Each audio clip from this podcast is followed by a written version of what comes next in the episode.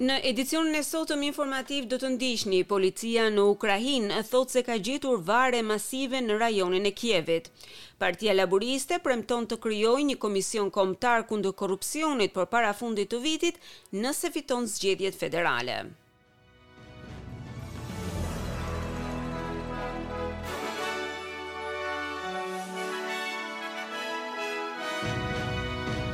Fillojmë më gjerësisht me lajmet. Policia në Ukrainë thotë se më shumë se nëntëqind trupa janë gjetur në rajonin e Kievit pas tërheqjes së forcave ruse. Policia thotë se nëntëdhjetë e pesë për qind e të vrarëve kanë vdekur nga armët e zjarrit. Banorët e një qyteti në rajonin verilindor të Ukrainës thonë se janë të shokuar me autoritetet të cilat kanë filluar hetimin dhe zbulimin e varreve masive në një zonë e cila më parë ishte e pushtuar nga forcat ruse. Ushtria ruse pushtoi qytetin e Trojasnet për rreth një muaj. Kryebashkiaku Yuri Bova thotë se kanë gjetur të paktën pesëdhjetë civilë të vdekur në këtë zonë, së bashku me disa varre masive. Bo toçnih danih nemaje, bahato propalo. Zaraz shukajemo de voni, v poloni çi zahinuvshi, je znahodimo. Nuk kemi informacione të sakta, por shumë njerëz janë zhdukur. Tani për tani po mundohemi të zbulojmë nëse janë të burgosur apo të vdekur. Po gjejmë varre masive dhe nuk është e qartë se kush i ka gërmuar. Do të bëhet zhvarrimi. Për momentin kemi të paktën pesëdhjetë të vdekur. Disa prej tyre të qëlluar në rrugë. Të tjerë u gjetën me duar të lidhura, me sy të ngjitur.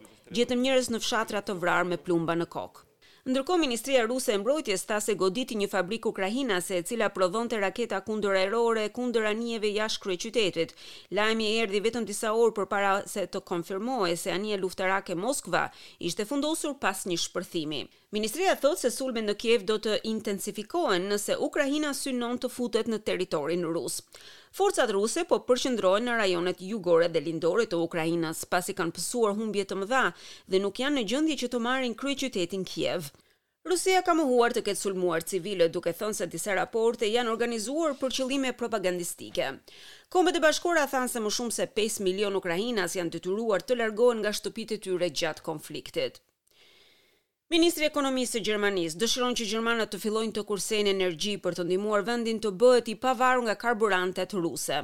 Robert Habeck po inkurajon gjermanët që të përdorin trenat ose biçikletat në vend të makinave sa herë që të jetë e mundur.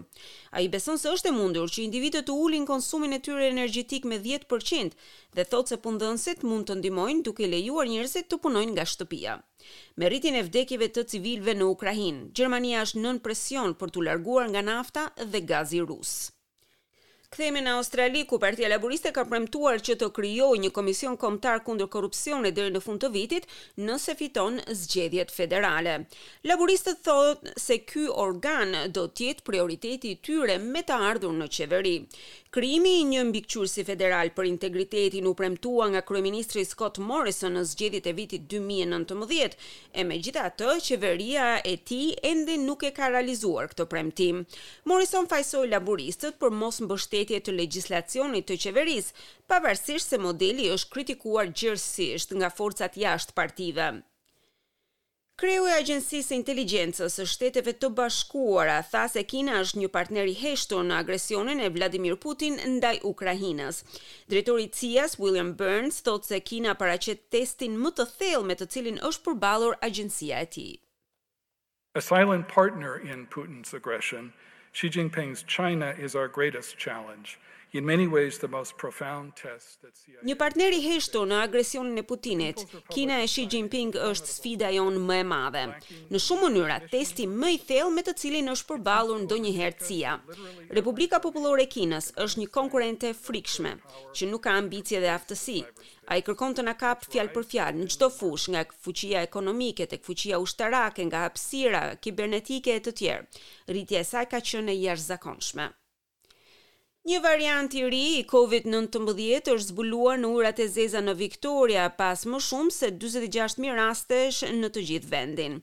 Autoritetet shëndetësore të Victorias kanë filluar të monitorojnë variantin e ri BA katër ose BA pesë Omicron, pasi mostrat u konfirmuan në një ujëmbledhës në Tullamarine në veri të Melburnit. Nënvarianti është zbuluar kohët e fundit nga një numër i vogël rastesh me Covid nëntëmbëdhjetë në Afrikën e Jugut, në Botsvana, Belgjikë, Danimarkë, Mbretërinë e Bashkuar dhe Gjermani. Organizata Botërore e Shëndetësisë thotë se aktualisht nuk ka dallime të rëndësishme të epidemiologjisë të njohura midis llojit të ri Omicron si dhe llojit më dominues BA dy. Në disa pamje në rrjetet sociale në Shanghai janë parë përleshje mes policisë dhe banorëve, të cilët janë të detyruar të largohen nga shtëpitë e tyre, teksa qyteti ka hyrë në javën e tretë të izolimit për të luftuar pandeminë e koronavirusit. Deri më tani ndërtesat e banimit janë shndërruar në qendra karantine. Miliona banorë ndodhen të bllokuar nëpër shtëpitë e tyre, teksa Shanghai përballet me një shpërthim të ri të koronavirusit. Secili që rezulton pozitiv vendoset në karantinë. Kina është një prej shteteve të fundit që ndodhet ende e përkushtuar për të zhdukur pandeminë, një dallim prej disa shteteve të tjera të cilat kanë filluar të jetojnë me virusin. Pothuajse katërqind persona kanë humbur jetën nga përmbytjet në Afrikën e Jugut. Përmbytjet kanë lënë të pastrehë dhjetëra mijëra persona. Fatkeqësia natyrore erdhi në një ditë kur të krishterët e Afrikës së Jugut shënuan të premten e mirë. Raymond Perry, kreu i shoqatës bamirëse për të krishterët në Denis Hurley Centre, tha, so many reasons to be uh, to be uh, uh, to, to lose hope to be despairing at this time and the christian message Shumë arsye për të humbur shpresat, për të qenë të dëshpëruar në këtë kohë.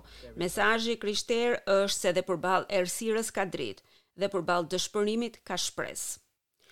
Presidenti francez, Emmanuel Macron, ka vizituar katedralen e Notre Dame-it në Paris, ndërkohë që vendi shënoi përvjetorin e tretë të zjarrit që dëmtoi çatinë e saj dhe rrëzoi kupolën. Presidenti Macron vizitoi vendin ku po kryhen punimet për restaurimin e katedrales me qëllim rihapjen e saj për vizitorët në vitin dy mijë e njëzet e katër, një vit kur Parisi pret edhe Olimpiadën Verore. Dans cette période où euh, on sort du Covid, il y a la guerre en Europe, tout est difficile, c'est aussi un témoignage d'espérance qui correspond à cette période.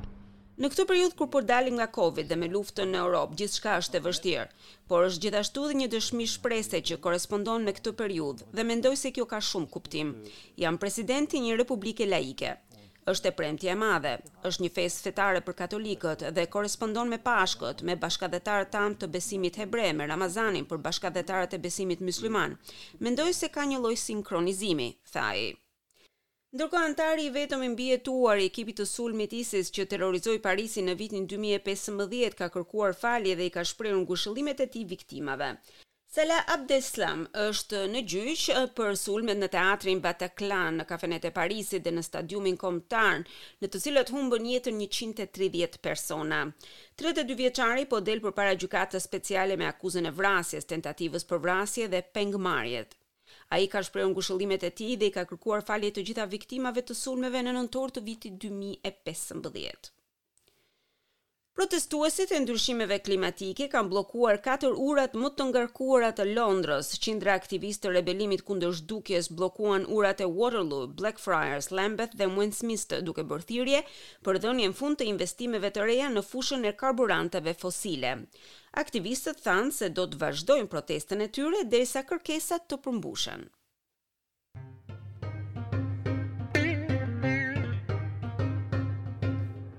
Dhe kalojmë në kursin e këmbimit të valutës australiane. Një dollar australian sot këmbehet me tetëdhjetë e dy pikë nëntë lekë shqiptare, zero pikë gjashtëdhjetë e tetë euro, zero pikë shtatëdhjetë e katër dollar amerikan dhe dyzet e dy denarë të Maqedonisë së Veriut.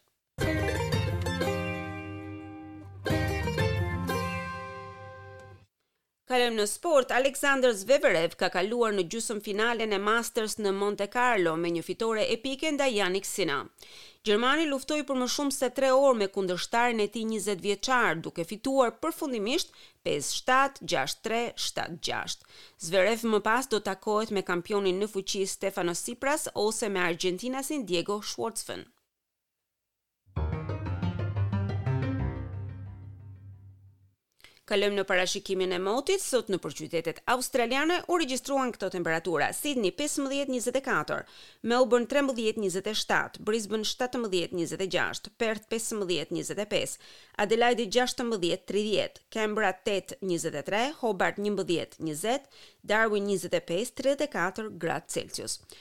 Për nesër byroja e parashikimit të motit sjell këto temperatura, Sidni pesëmbëdhjetë, njëzet e katër, Melburn shtatëmbëdhjetë, njëzet e shtatë, Brisbën shtatëmbëdhjetë, njëzet e gjashtë, Perth katërmbëdhjetë, njëzet e katër, Adelaide tetëmbëdhjetë, njëzet e pesë, Kanberra tetë, njëzet e tre, Hobart trembëdhjetë, njëzet e gjashtë dhe Darwin njëzet e pesë, tridhjetë e pesë, gradë Celsius. Dëgjuat edicionin informativ.